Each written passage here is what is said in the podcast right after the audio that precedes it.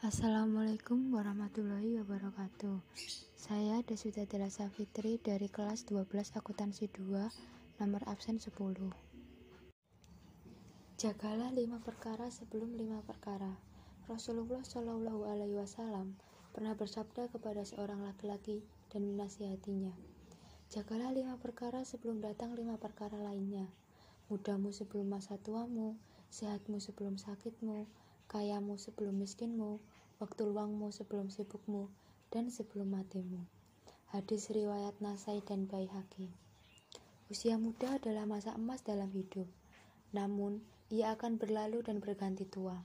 Sehat adalah nikmat terbesar karena saat sakit kita akan kesulitan beraktivitas.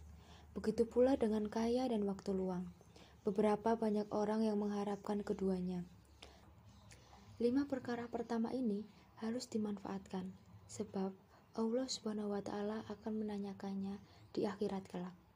Rasulullah Shallallahu alaihi wasallam bersabda, "Tidak akan bergeser kedua kaki anak Adam di hari kiamat dari sisi robnya, hingga dia ditanya tentang lima perkara, tentang umurnya untuk apa ia habiskan, tentang masa mudanya untuk apa ia gunakan, tentang hartanya dari mana ia dapatkan, dan untuk apa ia belanjakan, serta apa saja yang telah ia amalkan dari ilmu yang dimilikinya. Beberapa umat manusia tidak memiliki umur yang panjang. Sekalipun diberi umur lebih panjang, Allah Subhanahu wa taala sedikit demi sedikit mengambil nikmatnya dari manusia. Jika sudah seperti itu, tubuh akan mulai mudah terserang penyakit, kekuatan fisik semakin menurun, penglihatan mulai buram, kulit kian mengendur, rambut memutih, dan ingatan tak lagi tajam.